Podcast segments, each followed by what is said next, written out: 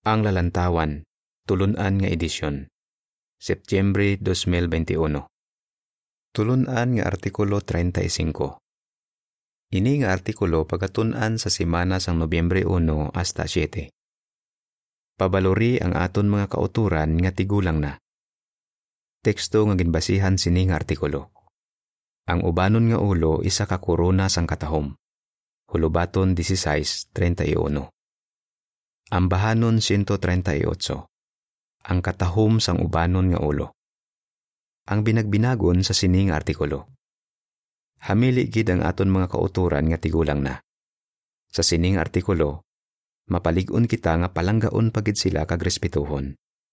Binagbinagon sa sini kung ano ang dapat naton himuon para makatuon kita sa ila kaalam kag mga eksperyensya. Magapasalig man ini sa ila nga importante sila sa organisasyon sang Dios. Para po uno kag dos pamangkot sa A, suno sa hulubaton 1631, ano dapat ang pagtanaw naton sa mga kauturan nga tigulang na? Pamangkot sa B, ano nga mga pamangkot ang sabdon naton sa sining artikulo? Sa isa ka park sa Arkansas, USA, posible nga makakita ka sa mga diamante sa duta. Pero ang itsura sini hindi pa pareho sa makita sa mga alahas. Gani posible nga agyan-agyan lang ini sang madamo nga tawo bisan pa makita nila ini kay abi nila hindi ini mga diamante. Daw pareho sini nga mga diamante ang aton mga kauturan nga tigulang na. Hamili gid sila. Ginpaanggid sang pulong sang Dios sa korona ang ila uban. Ang hulubaton 1631 nagasiling. Ang ubanon nga ulo isa ka korona sang katahom kunyara ini sa dalanon sang pagkamatarong. Pero posible nga hindi sila mahatagan sing atensyon kun kaisa. Mga pamatanon, pabalorin ninyo ang mga kauturan nga tigulang na. Kung himuon ninyo ini, sobra pa sa literal nga manggad ang mabaton ninyo nga benepisyo. Sa sining artikulo, sabton naton ang tatlo ka pamangkot. Nga a hamili para kay Jehova ang aton mga kauturan nga tigulang na? Nga a importante sila sa organisasyon ni Jehova? Ano ang dapat naton himuon para makatuon kita sa ila halimbawa? Kung nga a hamili para kay Jehova ang aton mga kauturan nga tigulang na. Para po tres pamangkot. Suno sa Salmo 92, 12 hasta 15, nga a hamili para kay Jehova ang aton mga kauturan nga tigulang na? Hamili para kay Jehova nga Dios ang aton mga kauturan nga tigulang na. Kilala gid niya sila, kag ginapabaloran niya ang ila maayo nga mga kinaiya. Bangod sang ila matutom nga pag-alagad sa iya sa malawig nga panahon, nakatigayon sila sang kaalam. Nalipay siya kung ginatudlo nila ini sa mga pamatanon. Ginapabaloran man ni Jehova ang ila pagbatas. Bisan pa may mga problema sila, mabakod gihapon ang ila pagtuo kay Jehova. Sang natunan nila ang kamatuoran, mabakod ang ila pagsalig nga matuman ang ila ginalauman sa palaaboton. Pero mas nagbakod pagid ini subong. Kag padayon nila nga ginabantala ang ngalan ni Jehova bisan tigulang na sila. Gani palangga sila ni Jehova. Ang Salmo 92, 12 hasta 15 nagasiling. Apang ang matarong magalambo kaangay sang kahoy nga palma, kag magadako kaangay sang sidro sang Libanon gintanom sila sa balay ni Jehova. Magalambo sila sa mga luwang sang aton Dios. Magapamunga gihapon sila bisan tigulang na sila. Magapabilin sila nga mabakod kag malagtom sa pagpahayag nga si Jehova matarong. Siya ang akon igang kag wala sing pagkadi matarong sa iya. Ang caption sang picture nagasiling.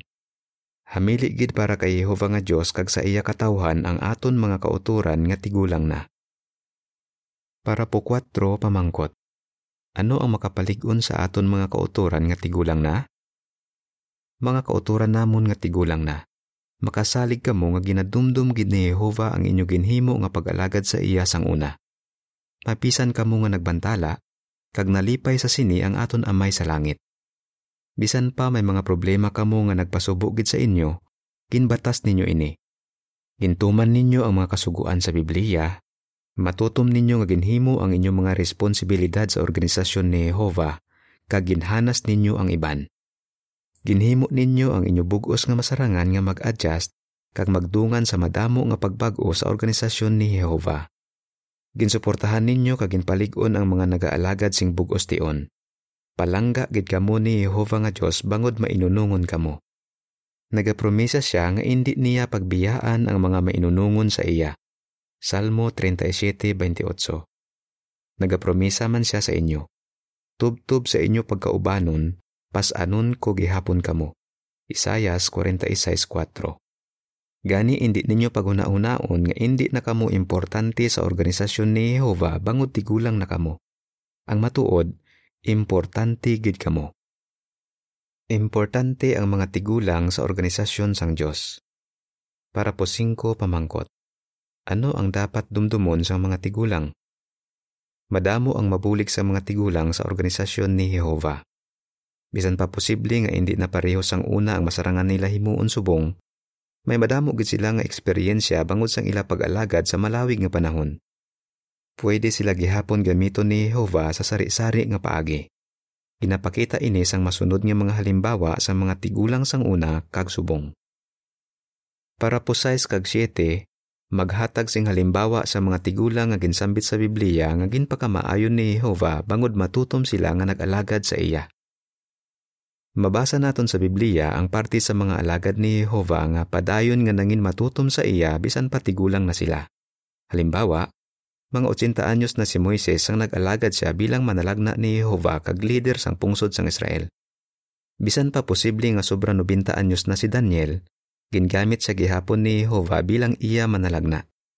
Kag posible nga sobra 90 anyos man si Apostol Juan, sang gintuy-tuyan siya sang Dios sa pagsulat sang bugna.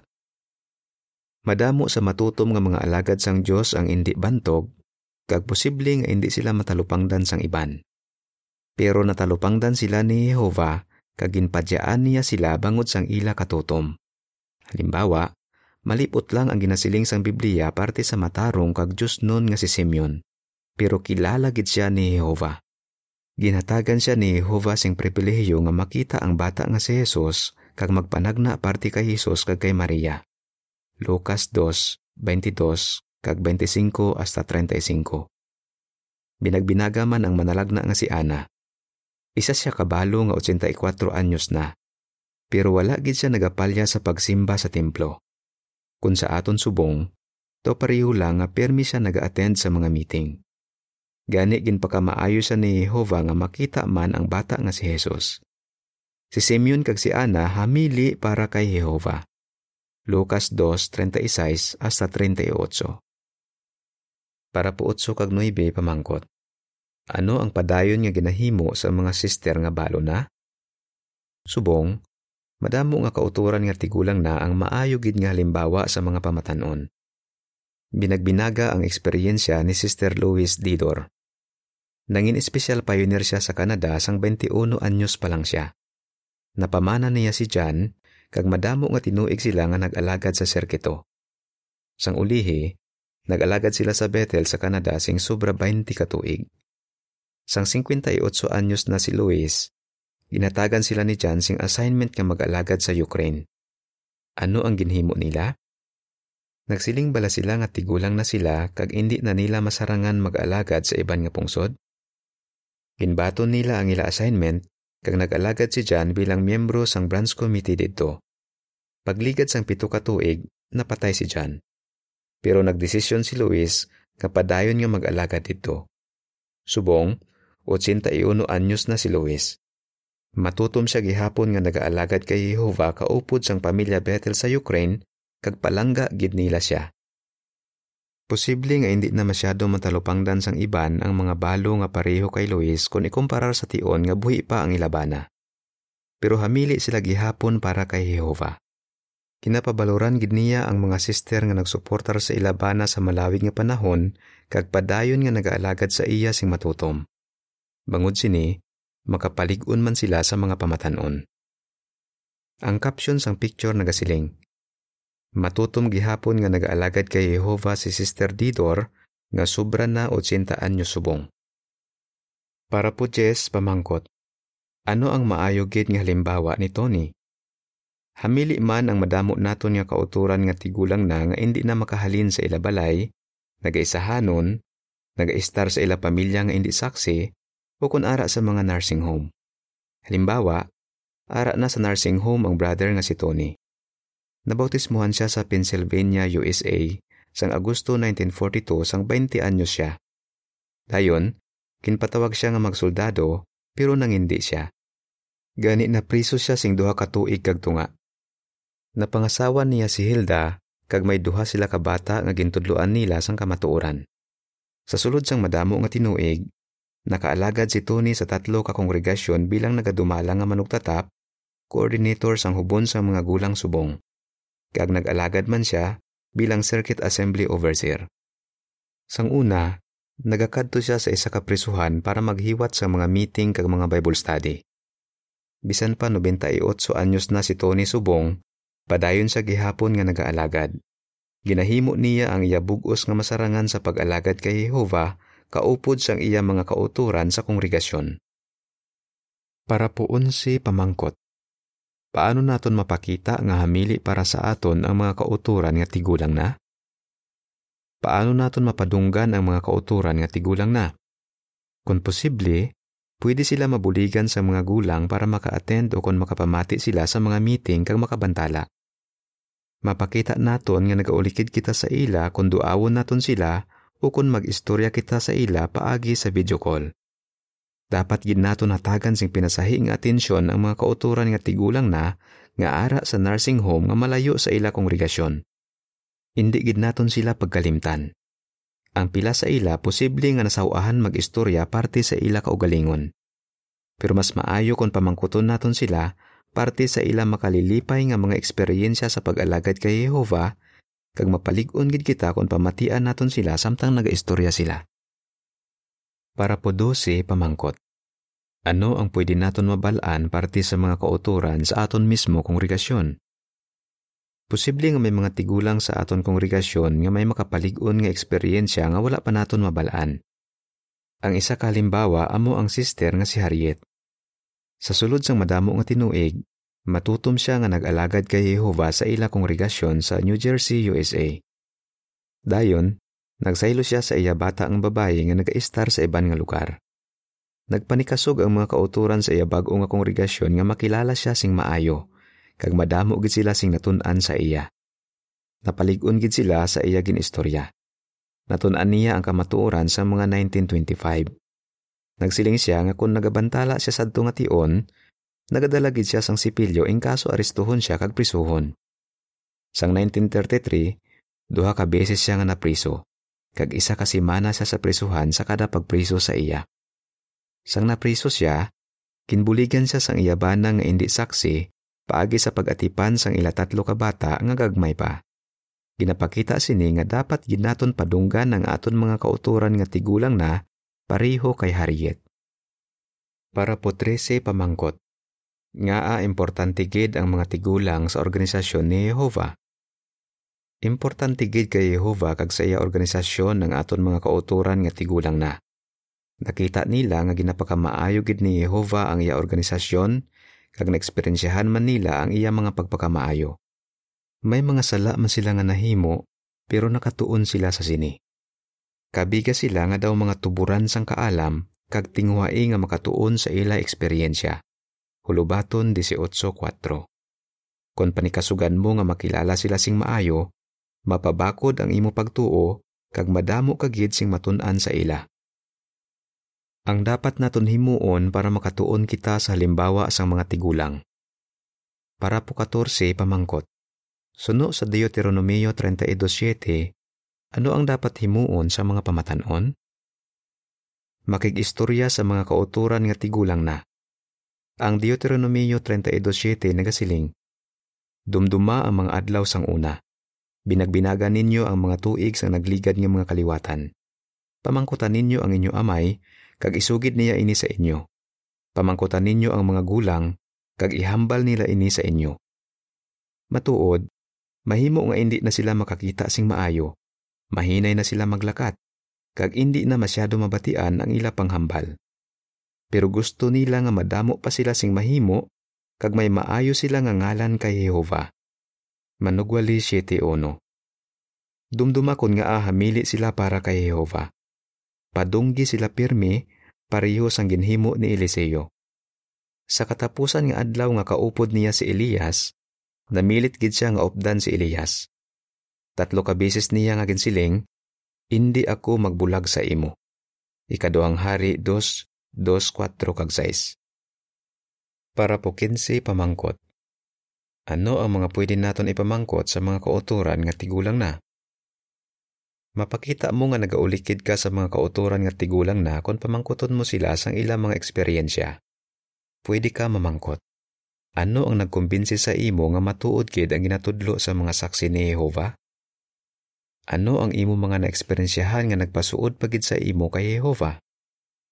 Ano ang nakabulik sa imo nga mangin malipayon permi sa pag-alagad kay Jehova? Dayon mamati sa ila isugid sa imo. Ang caption sang picture nagasiling. Napalig-on gid si Eliseo bangod nakig-upod siya kay Elias.